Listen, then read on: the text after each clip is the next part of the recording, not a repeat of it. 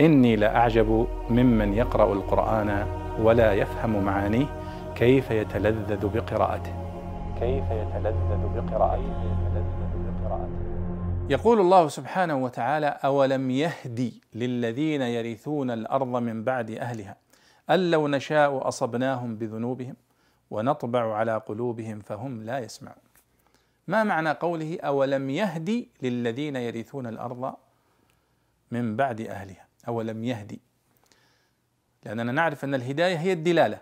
طيب هنا أولم يهدي للذين يرثون الأرض من بعد أهلها؟ معناها أولم يتضح. أولم يتبين.